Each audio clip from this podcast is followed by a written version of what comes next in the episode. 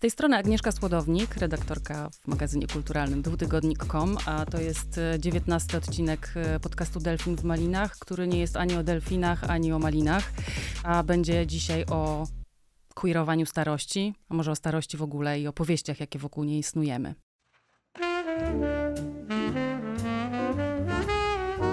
Podcast Delfin w Malinach. Najnowsze obyczaje z domu i z obejścia.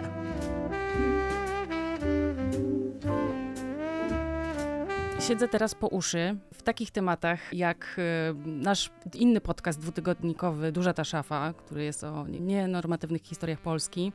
Czytam pamiętniki LGBT wydane przez charakter. Obejrzałam na Against Gravity Cichą Miłość i chyba wreszcie zaczynam rozumieć, co to jest ten queer, więc wszystko bym queerowała i na przykład właśnie starość. Tylko na czym by to miało polegać? Na tym rzeczonym festiwalu Against Gravity obejrzałam też film Calendar Girls, Dziewczyny z kalendarza, o grupie tanecznej seniorek z Florydy, które ubierają się w stroje jednorożców, różowe miniuwy z falującymi sznureczkami, cekinowe sukienki niebieskie, jakieś puchate buty, tęczowe tiule, no ubrania, które w sumie nawet nie wiem jak się nazywają do końca. E, no i one są po sześćdziesiątce. Dzieci mają odchowane, jeżdżą z zespołem i występują na różnych e, festynach, w domach starości, e, na imprezach bożonarodzeniowych pomyślałam sobie, że może to jest właśnie jakaś taka metoda, strategia na queerowanie starości. E, dzisiaj jest ze mną Iwona Kusz, którą, którą będę zaraz pytać o to. Iwona jest historyczką nowoczesnej e, kultury polskiej, badaczką kultury wizualnej, filmoznawczynią. E, od 2016 roku dyrektorką Instytutu Kultury Polskiej Uniwersytetu Warszawskiego. Jest stałą współpracowniczką dwutygodnika. Cześć Iwona.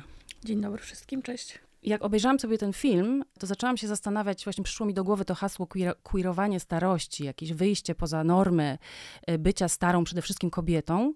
I zaczęłam się zastanawiać, jakie historie, jakie narracje opowiadamy sobie, y, tworzymy o starości, przede wszystkim kobiet. Co dostrzegłaś w tym filmie Dziewczyny z kalendarza? Jaka to jest opowieść dla ciebie? To określenie queerowanie rzeczywiście tutaj pasuje, oczywiście, jeżeli będziemy traktować najszerzej, to znaczy jako próbę, podejmowanie takich prób y, przełamywania y, normatywności seksualnej w polu widzenia tutaj bohaterki po prostu rezygnują z pewnego zakładanego kodu dotyczącego tego, jak powinny się prezentować panie, no powiedziałaś 60 plus, ale to też 70 plus, yy, które z różnych powodów uznały, że takie życie w drodze i zarazem życie właśnie w kostiumie jest fajniejsze niż to, co mają w domu. To jest jakby jeden taki aspekt, właśnie ta taka ostentacyjna widzialność. E, te jednorożce, które częściej widzimy, prawda, w kontekście nastoletnich e, dziewczynek, e, choć oczywiście one są też jakby w ogóle symbolem czy ikoną queeru, tutaj wędrują właśnie do tych pań w starszym wieku. Zarazem queerowane też są jakoś więzi społeczne, ponieważ tam takim bardzo ciekawym motywem jest to, w jaki sposób one się odnoszą właśnie do swoich relacji rodzinnych i w jaki sposób e, ten zespół staje się dla nich trochę rodziną, a trochę odskocznią od rodziny.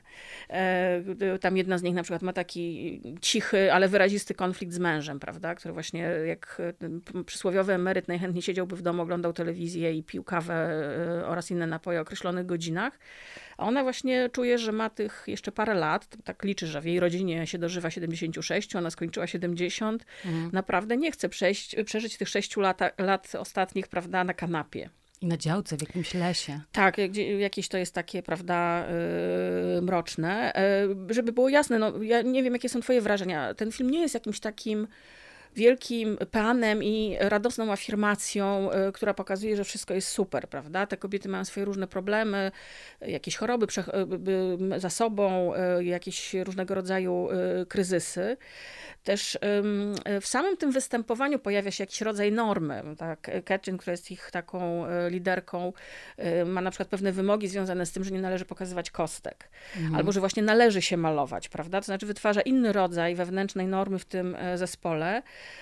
I y, tam też takie wyraźne jest napięcie pomiędzy z jednej strony siłą tej zespołowości, a z drugiej strony pewną presją, która wynika z tego, że trzeba się, prawda, dostosowywać.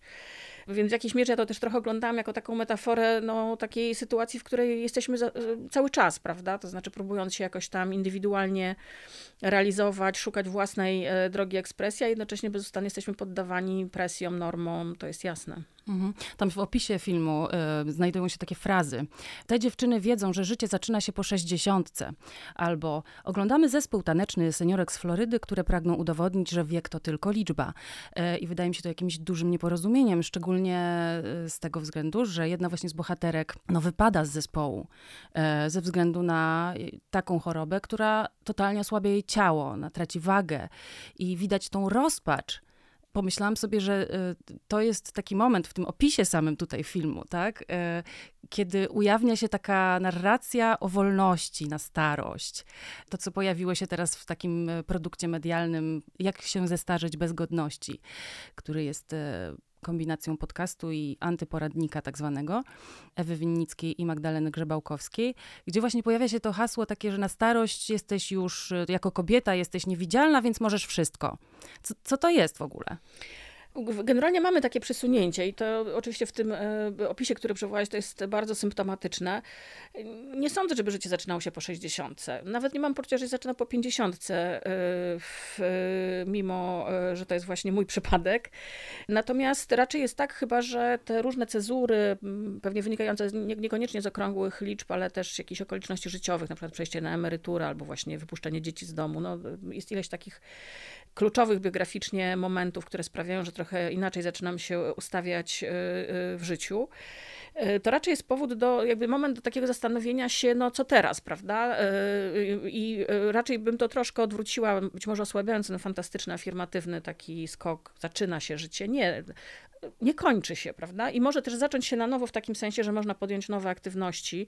Akurat ta bohaterka, o której mówisz, prawda, znajduje sobie inną formę e, takiej ekspresji, można powiedzieć, artystycznej, co zresztą w ogóle pokazuje takie bardzo twórcze podejście. To znaczy, że w każdej chwili możesz być twórczy, w takim szerokim sensie znowu, prawda, że e, wy, wy, wymyśleć, co można robić z, z dostępnymi zasobami, E, tutaj oczywiście mówimy o osobach, które mają jakieś elementarne zaplecze finansowe mhm. i mm, zasadniczo ciągle pozostają w takim zdrowiu, które pozwala im e, no, być aktywnym, aktywnymi osobami, prawda? Mhm. E, to nie jest przypadek wszystkich i tu może można przypomnieć pierwszą może taką wyrazistą opowieść o starości, która się pojawia w przygodach Gullivera, mhm. gdzie on, e, prawda, na jednej z wysp spotyka tak zwanych nieśmiertelnych. To są osoby wybrane, rodzące się z, można powiedzieć, no, ze, ze skazą, które żyją wiecznie, ale w wieku lat 80 stają się właściwie niezdolne do wykonywania czynności życiowych. Mhm.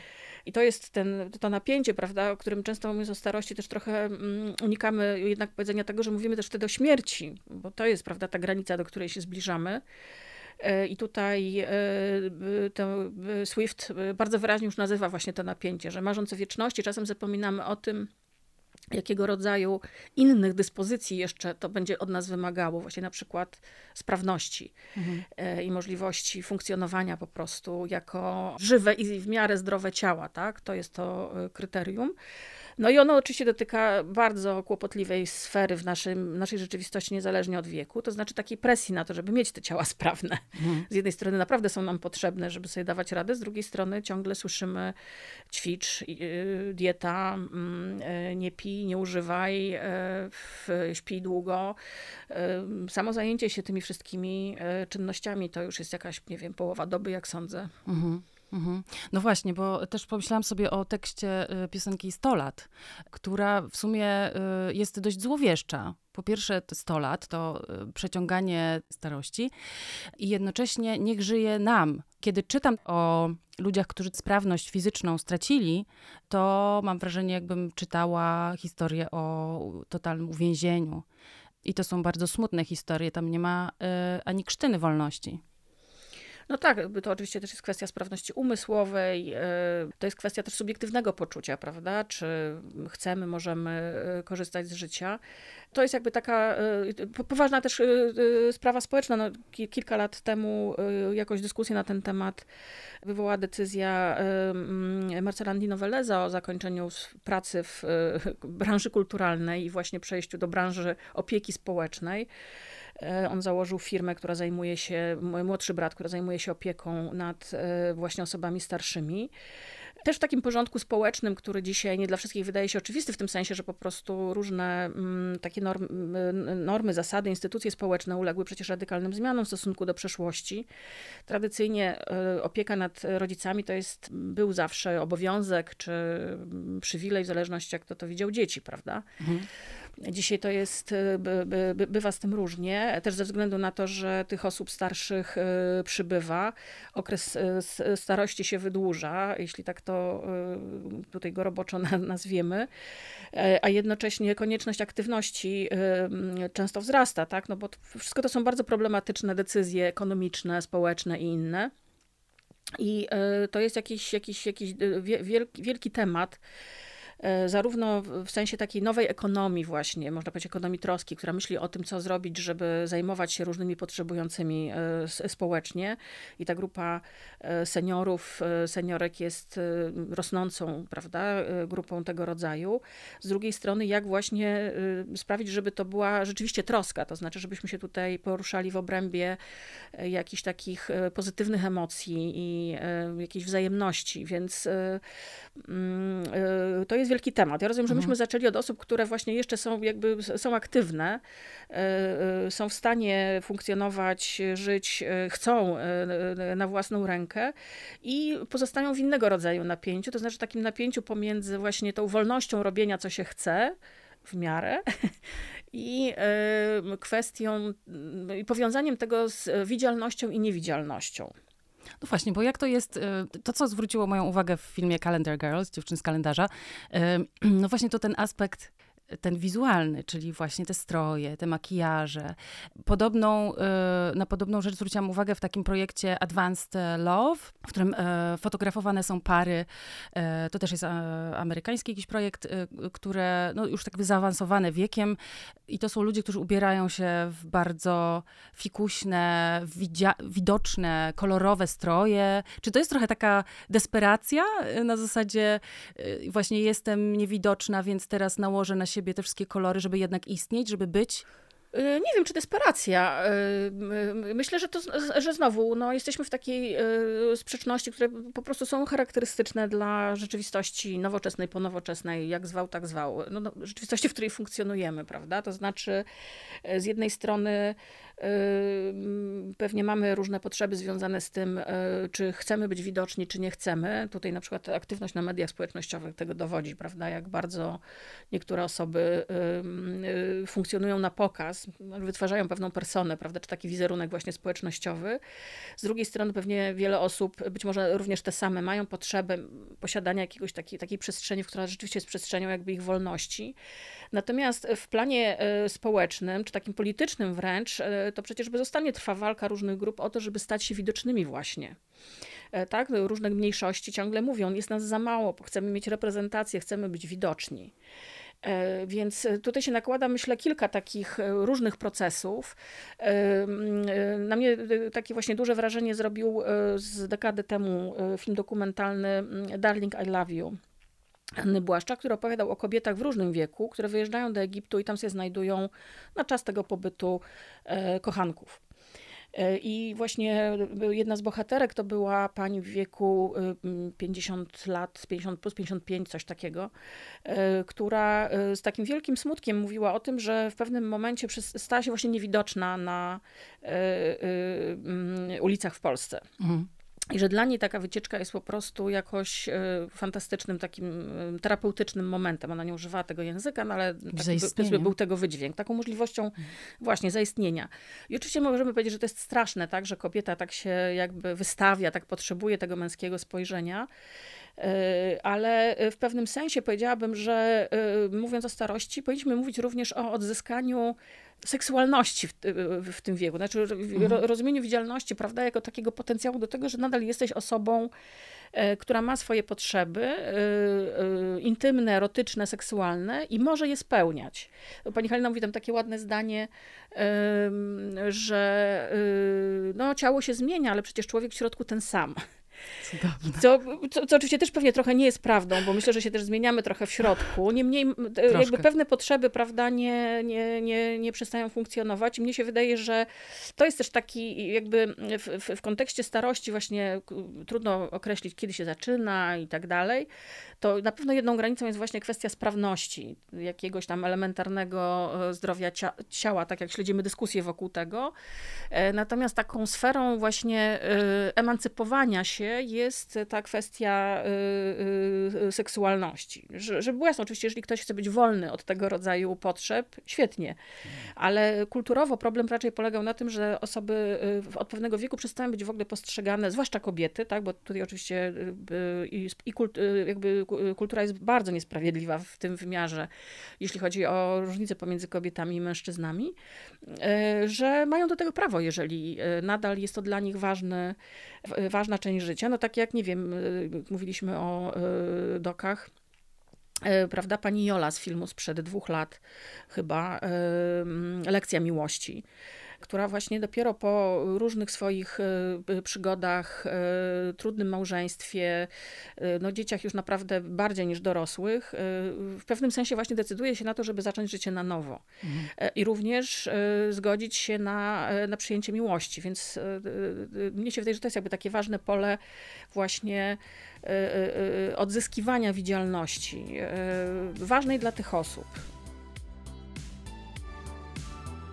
Możecie wysłuchać już całego serialu podcastowego Duża ta szafa, w którym Sylwia Hutnik i Bartosz Żurawiecki opowiadają o historii polskiego środowiska LGBTQIA+, od czasów PRL-u poprzez lata 90. do dziś. Od akcji Hyacynt poprzez pierwsze internetowe strony gejowskie i kluby dla kochających inaczej – Hutnik i Żurawiecki wraz ze swoimi gościniami i rozmówcami opowiadają o tym, co ukształtowało współczesny ruch praw osób nieheteroseksualnych, o naszej polskiej powojennej queer story, aż do czasów prawie współczesnych. Jest 1996, mam modem 14 kilobitów i pierwsze co wpisuję w przeglądarkę to jest oczywiście gay.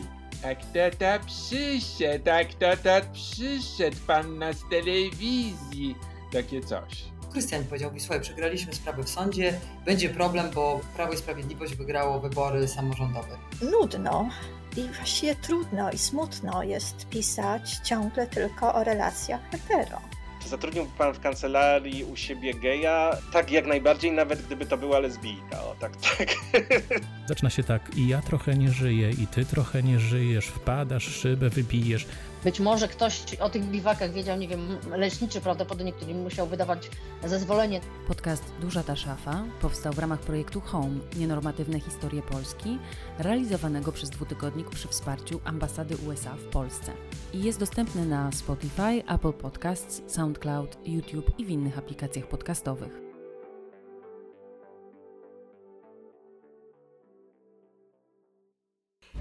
Słuchacie Delfina w Malinach rozmawiamy o najnowszych obyczajach. A jak było kiedyś? E, przypominasz sobie jakieś takie opowieści e, właśnie z czasów transformacji w Polsce albo z PRL-u, właśnie takie opowieści o, o tych e, nas starych? No, PRL to cała historia, prawda? Oczywiście y, to, y, y, to, co tam jest ważne, to jest ten moment, że generalnie jak w XX wieku, to po wojnie to staje się widoczne. To znaczy, że pojawia się emerytura jako taka masowa, właściwie już powszechna cezura w życiu wielu osób, prawda? Co nie znaczy, że ktoś, kto przychodzi na emeryturę, jest osobą e, starą, e, bo e, to jest przecież bardzo ruchome. No, służby mundurowe mają prawo tam przechodzić, prawda? Mhm. Zdaje się 35 to jest tak. ten najniższy wiek. Do niedawna profesorowie na uczelni mieli to prawo do 70 roku życia, więc umówmy się, że to jest dość duża jakby tutaj granica. No ale powiedzmy, że ta emerytura była tym, tylko no, to też tak funkcjonowało, prawda, że ta emerytura to jest jakby też na przykład dla kobiet kobiet to jest ten moment, kiedy wreszcie mogą stać się babciami. Mhm. I to jest na przykład pytanie, czy naprawdę te kobiety tego chciały, czy raczej e, no właśnie sytuacja wokół e, społeczna, prawda, obyczajowa, ekonomiczna zmuszała je do tego. Bo tak naprawdę to wolałyby e, zakopać się, nie wiem, na działce warzywnej, czy tam, Mhm. nie wiem, cokolwiek, oddać się jakiemuś innemu hobby, prawda? I niekoniecznie, nie wiem, grać z innymi emerytkami w karty, robić cokolwiek innego, a niekoniecznie po raz kolejny w życiu zajmować się dziećmi, prawda? Yy, Ale to jest oczywiście jakoś tam o- otwarta historia. Natomiast rzeczywiście to się zmienia wraz z transformacją. Myślę, że z wielu powodów. No, jeden jest taki dość oczywisty, bo po prostu mm, wtedy wchodzi bardzo dużo no, nowych narracji. Tak na przełomie lat 80., 90., nawet niezależnie od samej politycznej transformacji, satelity, VHS-y, prawda? Yy, Z czasem, już w połowie dekady, mm, nowe kanały telewizyjne i bardzo w związku z tym poszerza się taka oferta i takie, jakby takie po- pojęcie, że trzeba adresować te programy do różnych osób. A to też jest, prawda, jakiegoś rodzaju, no właśnie, e, można być takie ekonomiczne, czy no wprost kap- kapitalistyczne kryterium. To znaczy, jeżeli jest jakaś grupa, która może być e, odbiorcą reklam, Mhm. to trzeba o tej grupie myśleć, prawda? Mhm. I e, w, więc e, e, tutaj te różne reklamy, akurat one najczęściej są związane niestety z z lekami, co też jest e, symptomatyczne, ale, e, ale to się wyraźnie pojawia. Natomiast ja bym jeszcze bym wspomniała o innej takiej, e, o takich serialach typu Klan, prawda, Mhm. których w latach 90. się też trochę pojawiło, takich rodzinnych. I to ciekawe, one przyjęły takie założenie, że to, że to muszą być rodziny wielopokoleniowe Mhm. prawda? Te, które są pokazywane jako. Oczywiście to jest dobre założenie o tyle, że po prostu ułatwia od razu rozwój wielu wątków i właśnie może być adresowane do różnych grup wiekowych. Ale co znamienne, taki punkt wyjścia, który moim zdaniem trochę polegał na tym, że no, no właśnie to było tak trochę takie odbudowanie takiego mitu polskiej rodziny, prawda? Która właśnie jest wielopokoleniowa, która mieszka co prawda w Warszawie, ale za to e, w takim dużym domu jednorodzinnym z apteką, trochę tak ala dworek, prawda? Mhm. Jakby gdzieś tam i e, na początku ci seniorzy byli trochę właśnie takimi seniorami, to znaczy mm, no, pełnili takie funkcje, można powiedzieć, godnościowe, prawda, w, w rodzinie. Natomiast y, sama ta narracja sprawi, jakby sa, sama ta konstrukcja narracji, która też rozwija się z, z czasem, dostosowuje się do tego, jak się zmieniają aktorzy często, sprawiła, że nagle w polu widzenia pojawiły się właśnie choroby. E, Tam, prawda, e, gó- główny aktor e, chorował na chorobę Alzheimera, co zostało też jakoś w serialu ograne. Nagle po prostu e, ta starość, która jednak była bardzo stabilizowana, która była podobnie jak, nie wiem, osoby z niepełnosprawnościami, jak wiele innych grup e, społecznych, zamknięta i niewidoczna, e, stała się widoczna ze swoimi problemami najpierw, a z czasem już jednak zaczęły się pojawiać takie postaci, prawda, właśnie w wieku więcej niż średnim, które na przykład miały romanse, e, które się zakochiwały, które e, odmawiały opieki nad dziećmi, prawda, bo mówiły, nie, nie, ja teraz mam czas, trochę pieniędzy, więc wolę gdzieś tam sobie pojechać. Ta jakby tradycyjna narracja, trochę pod presją zewnętrznej obyczajowości, a trochę pod presją jakby samej narracji, która wymagała tego, żeby trochę ją zmieniać, prawda, żeby ją modyfikować, żeby utrzymać zainteresowanie widzów, y, sprawiła, że nagle y, w pewnym sensie te mm, intencjonalnie odwołujące się do pewnych tradycyjnych wartości seriale zaczęły pokazywać bardzo nietradycyjne rozwiązania. Tak? Oczywiście nie mówię tutaj o rozmaitych y, licznych zmartwychwstaniach, jak w modzie na sukces, ale w, ge- generalnie zaczęły się tam pojawiać po prostu takie praktyki, które oczywiście były obecne w życiu społecznym, ale nie, były, nie miały takiej sankcji prawda, publicznego e, jakiegoś e, tematu. W PRL-u mam wrażenie, że najczęściej, jeżeli się pojawiały starsze kobiety, to jako y, jakieś, y, y, jako matki, prawda, babcie, często osoby, które, niekiedy osoby, które przyjeżdżają na przykład ze wsi, tam umiera ojciec, prawda, sprzedawane jest gospodarstwo i co przypominało jednak o tym, że duża część z nas pochodzi właśnie Mhm. e, ze wsi. E, Natomiast niewiele było takich pomysłów na to, żeby to były jakieś samodzielne figury.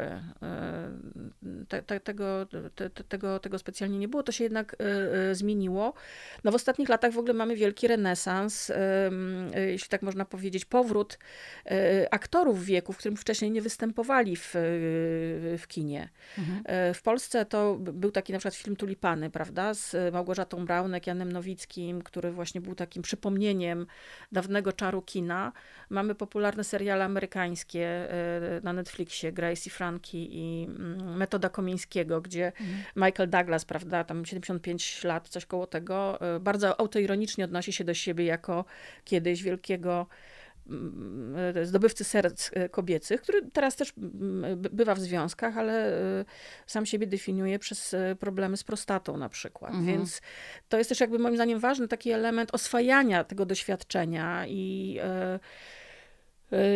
nie wiem, no trudnej akceptacji, tak jak ty powiedziałaś, prawda, tego jakby spojrzenia na, na, na swoje ciało. To jest chyba jakaś taka najtrudniejsza i być może najważniejsza lekcja w naszych czasach. Nauczyć się akceptować e, swoje ciało.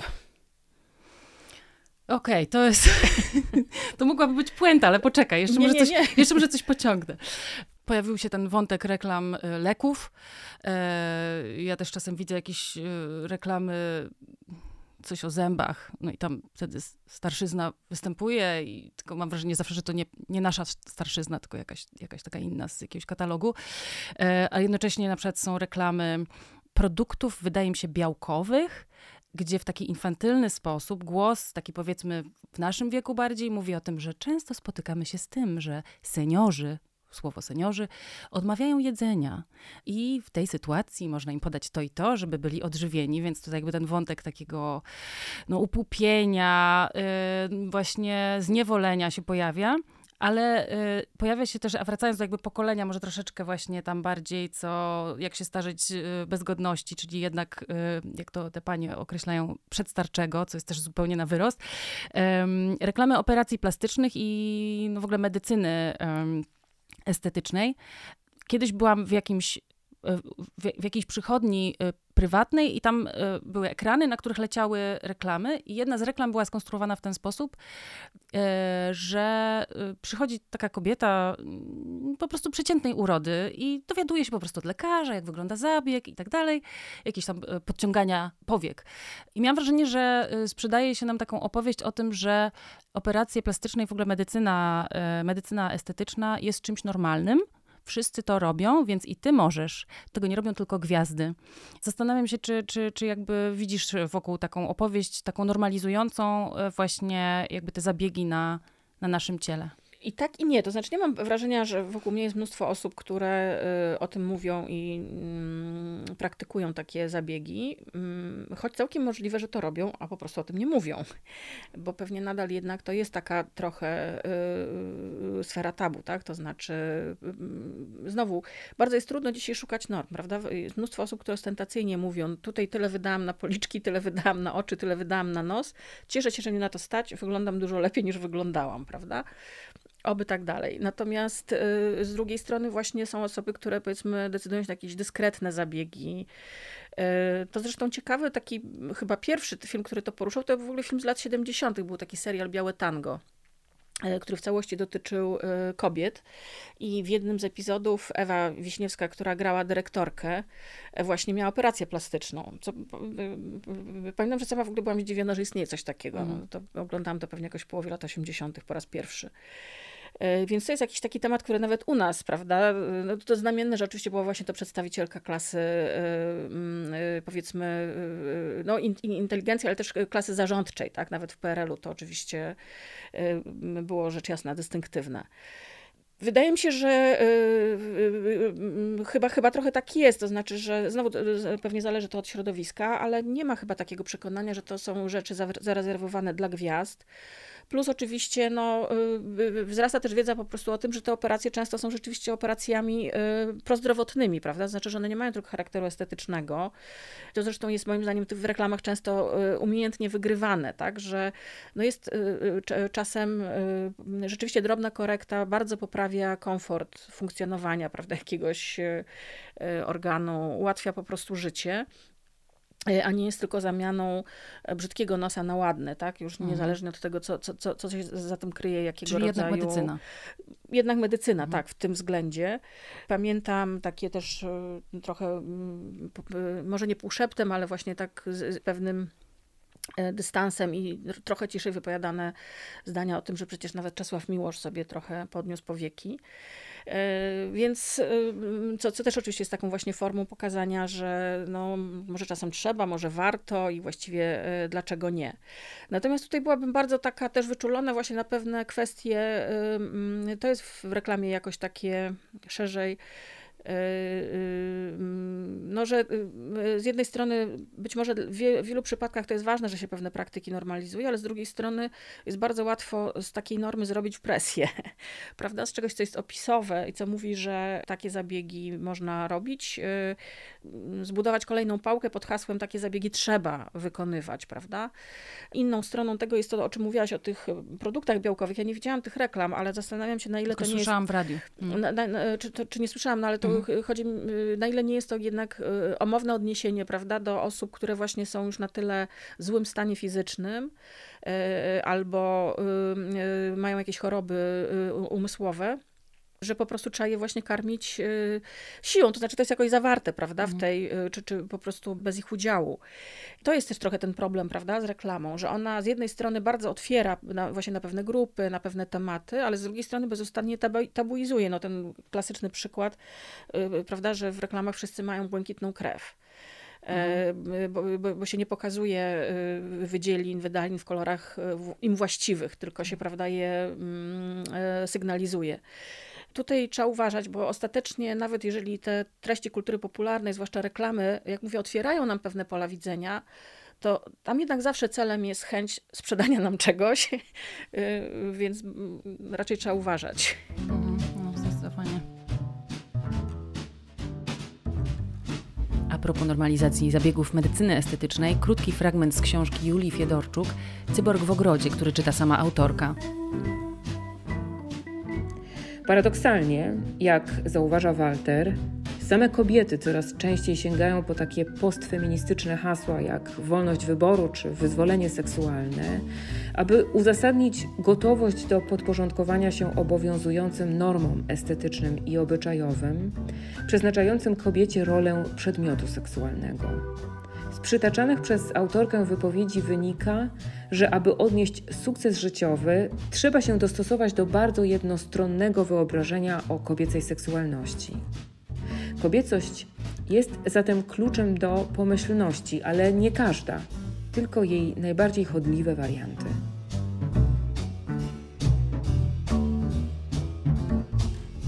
Słuchaj, lecz rozglądaj się.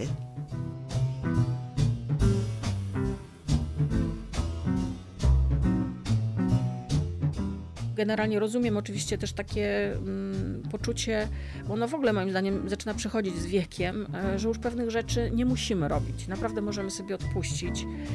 E, jeszcze jak mamy to szczęście, że e, sensownie odróżniamy e, to, co chcemy naprawdę odpuścić, to, to naprawdę bardzo jest to dobre rozwiązanie.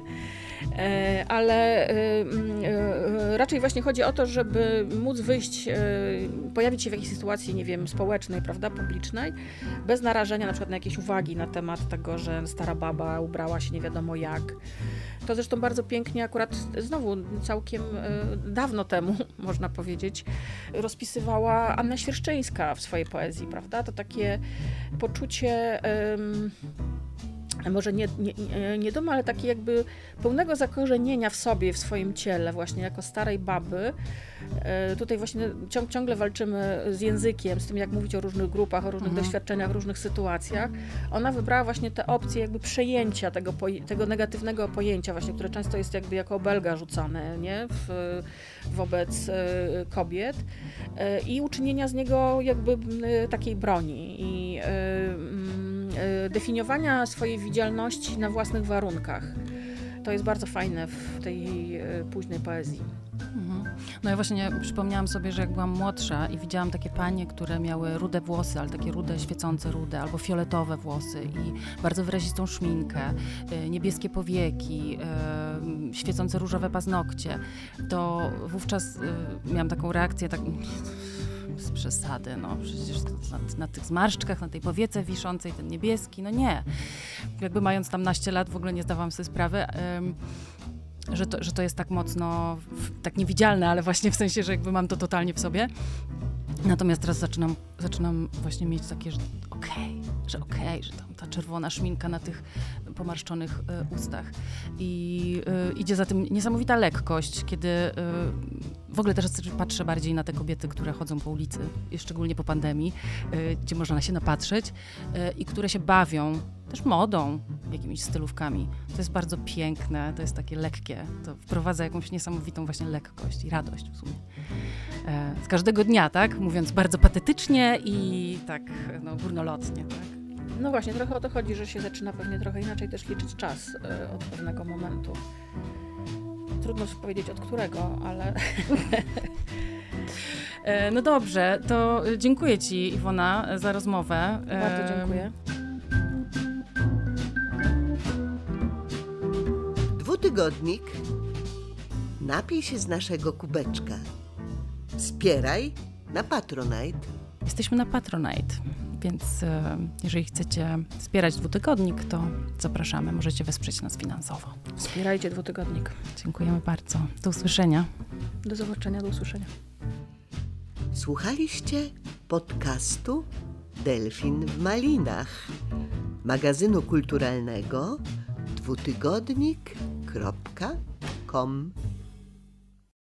Scenariusz i realizacja Agnieszka Słodownik, lektorka Maria Maj. Redakcja dwutygodnika to Zofia Król, Maciej Jakubowiak, Wira Baldyniuk, Anna Pajęcka, Agnieszka Słodownik, Jakub Socha i Paulina Wrocławska. Nagranie rozmowy z Iwoną Kusz odbyło się w Studio Plac w Warszawie. Wydawca Dom Spotkań z Historią. Lipiec 2022.